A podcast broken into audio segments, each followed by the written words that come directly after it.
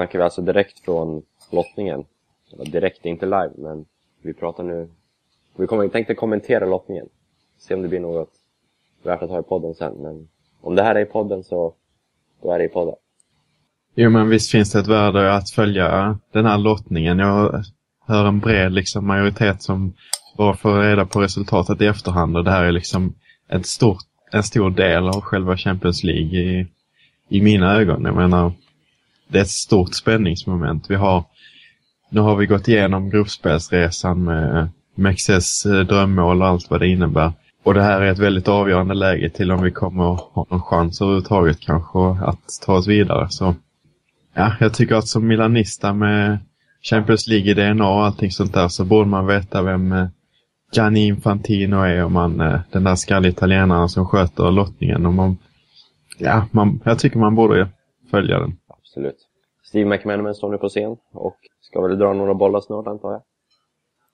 Mm. Tillsammans med en till italienare, Marchetti. Antar jag att han är italienare. han som alltid får det roliga uppdraget att gå igenom reglerna och sådär. Mm. Grundat på hans eh, brytning är han förmodligen från Il Bel Paese. Let's take a look at the glass. Eh? Med den här imitationen där. Mm. Ja, gruppsegrarna då. PSG, Schalke, Malaga kan vi inte möta. Dortmund, Juventus kan vi inte möta. Bayern München, Barcelona eller United är de vi kan ställas mot. Och vi hoppas väl på Schalke. Det är väl det som de flesta hoppas på känns som bland grupptvåorna. Mm. Samtidigt som kanske Celtic eller Galatasaray får se som någon motsvarighet bland grupptvåorna där. Som de flesta hoppas på. Mm. Men eh, vi vet ju att vi kommer få PSG, det är bara att bekräfta det nu. Mm. Och det är, det är lite olika åsikter tycker jag om det här med, med vilka som är en bra lottning. Det är många som har målat upp United till exempel som en, um, som en lottning som inte är bland de värsta med tanke på hur deras säsongsinledning har sett ut. Men de är väldigt skakiga defensivt och sådär. Så det, så det, är, mm, det är spännande att um, det, det råder en väldigt stor meningsskiljaktighet vilka som är bra motståndare och inte. Mm. Jag är väldigt rädd för tyskarna personligen. I München och Dortmund. Ja, det är väl de som får ses som eh, de värsta motståndarna tillsammans med Barcelona, eh, tycker jag. Men man vet inte heller. Det, det är som sagt en lottning som sker nu i, i december och sen så ska det spelas fram emot eh, februari. Så det kan ju hända grejer. Vi kan ju bara ta upp exemplet med Barcelonas tränare som, som eh, tragiskt nog är liksom ett osäkert kort. Det kan ju hända väldigt mycket på, på ett par månader. Man vet ju inte hur läget kommer att se ut då. Nej, vi har ju en Mercato som... Det kommer hända grejer i Milan i år. Nu börjar lottningen. Första bollen. Och de drar alltså tvåorna först. Vilket är en, en nyhet för mig. Men detta innebär alltså att... Ja, du tänkte det var nytt för... Eh, det ställer liksom eh, om eh, ekvationen helt. Om man, om man annars har utgått ifrån att det är gruppettorna som är som rankas först. Nu ska vi se vilka som försvinner. Som Milan Jag kan slippa liksom. Schalke. Nej! Nej! Mm. Helvete! Där försvann Schalke direkt. Och gud så nöjd Schalke ser ut att vara. Nej, fan. Åh. Celtic. De tre på förhand sämsta lagen på pappret dras först. Det är korrupt. Mm. Ta bort Bayern München nu, snälla McManaman. Juve. Juve får en enkel lottning. Mm. Gud som Nedved sitter och myser. Ser lite sammanbiten ut ändå tycker jag. Men um, det har ingen betydelse för Milan i sig, just de här lottningarna. Nej. Arsenal. Nu kan man ju hoppas att eh, Arsenal som kom upp här dras med Barcelona till exempel. För gör de inte det så ökar sannolikheten drastiskt hela tiden om att vi kommer att möta Barcelona exempelvis eller Bayern München. Mm. Come on Steve. Yes! Yes! Bayern München borta. Skönt. Grattis Arsenal. Mm. Han såg ingen glad ut. Arsenals. Vem det nu är. Ja, man sitter ändå och skakar lite. Det är... Shakhtar. Shakhtar Donetsk. Orangea slipsarna på plats. Och ett oerhört eh, östeuropeiskt utseende. Frisyren kanske framförallt. Vilken ukrainare. Yes! Dortmund borta! Oh. United, PSG, Barca kvar. Är det något mer? Eh, nej, det får bli de tre. Jaha. Ja, du får väl hoppas på PSG, eller? Ja, absolut. Det är väl den som... Fast eh, det är det det kommer bli, det har vi sagt hela tiden. ja, det är väl den som efter Schalke får ses som den bästa lottningen. Så som det ser ut i dagsläget. Milan. Milan. Milan dragna. Åh, Steve McManaman. Alltid gillar ditt namn. Nej. Det är bara Barca kvar. Vi får Barca. Nej, för helvete. De där jävla stökiga reglerna. Är det där sändnings... Tv-sändnings... Nej. Fan! Mm.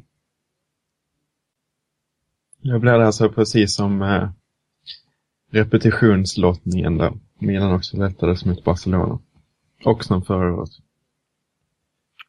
Åh. Mm. Kan vi stänga av, spelar ingen roll ändå. Fan. United, Real. Den är ju rätt skön i och för sig. Fan, Barca. Vad är det kvar då? PSG mot... Nej, Porto.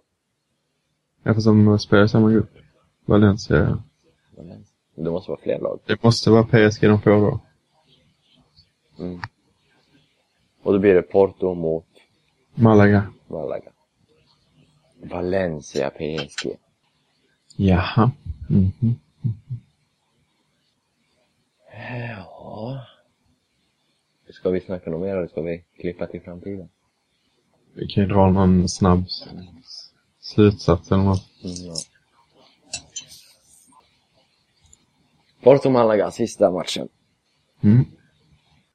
Rätt många sköna matcher får man ju säga. Mm. 12-13 februari är det matcherna. Annonserar Mr Strömblad.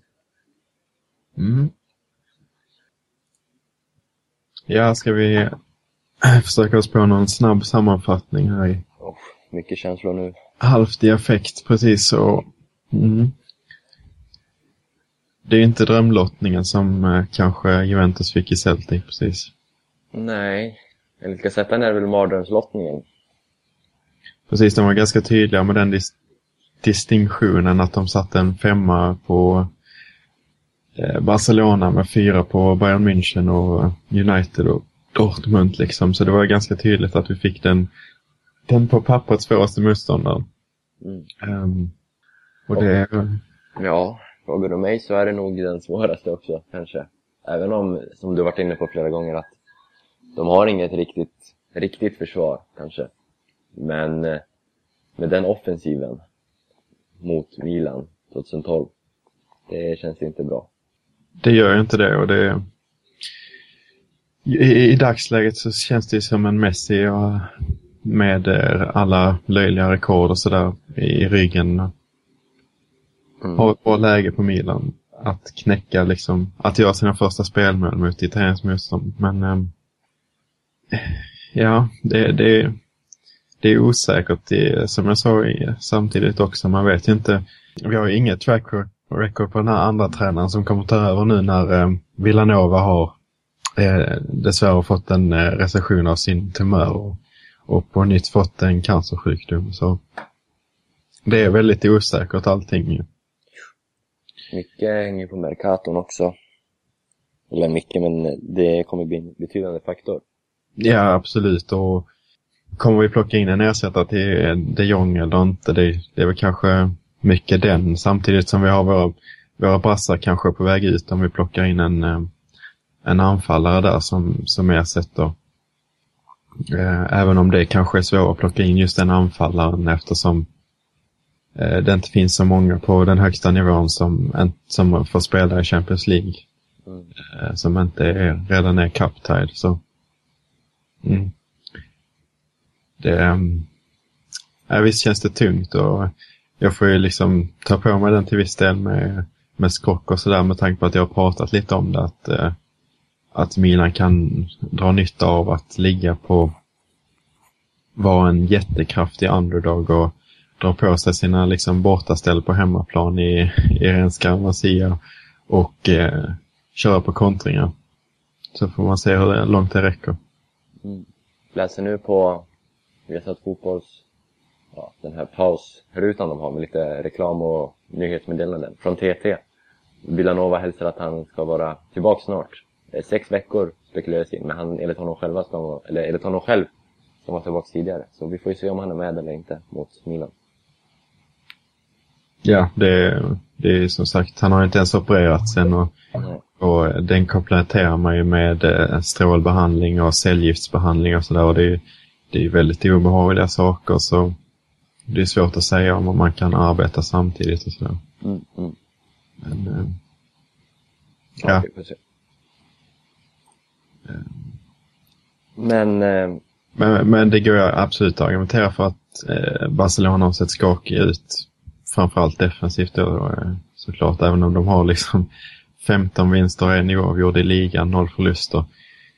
Så har de ju faktiskt eh, skapar de upp två poäng i, i dubbelmötet mot Celtic till exempel. Alltså de, mm, mm. de har ju faktiskt blivit skakade och, och deras defensiv kan man absolut utnyttja eh, om man har en bra dag. Mm. Jag kan Celtic ta poäng så borde Milan kunna. Men samtidigt är det ju helt annat i slutspel. Lite högre koncentration, lite högre vilja att vinna kanske från Barca. Ja, så är det ju absolut. Men det är som sagt väldigt svårt att spekulera i nu. Jag menar, Messi kan ju få eh, ett blåmärke eller någonting ännu värre liksom. Så, så kanske får, allting är liksom drastiskt förändrat eftersom Barcelona inte alls är vana vid att spela utan Messi. Liksom, man vet inte alls vad, vad som kommer att hända men i dagsläget så känns det ju som man eh, kommer få det väldigt svårt. Ja. Är allt? Ja, det kan man. Men då kommer vi förmodligen fundera mer om det här, men vi klipper väl till framtiden här. Då har vi förmodligen eh, Jakob med oss om eh, Rom. Mm. Så vi klipper väl där och ja,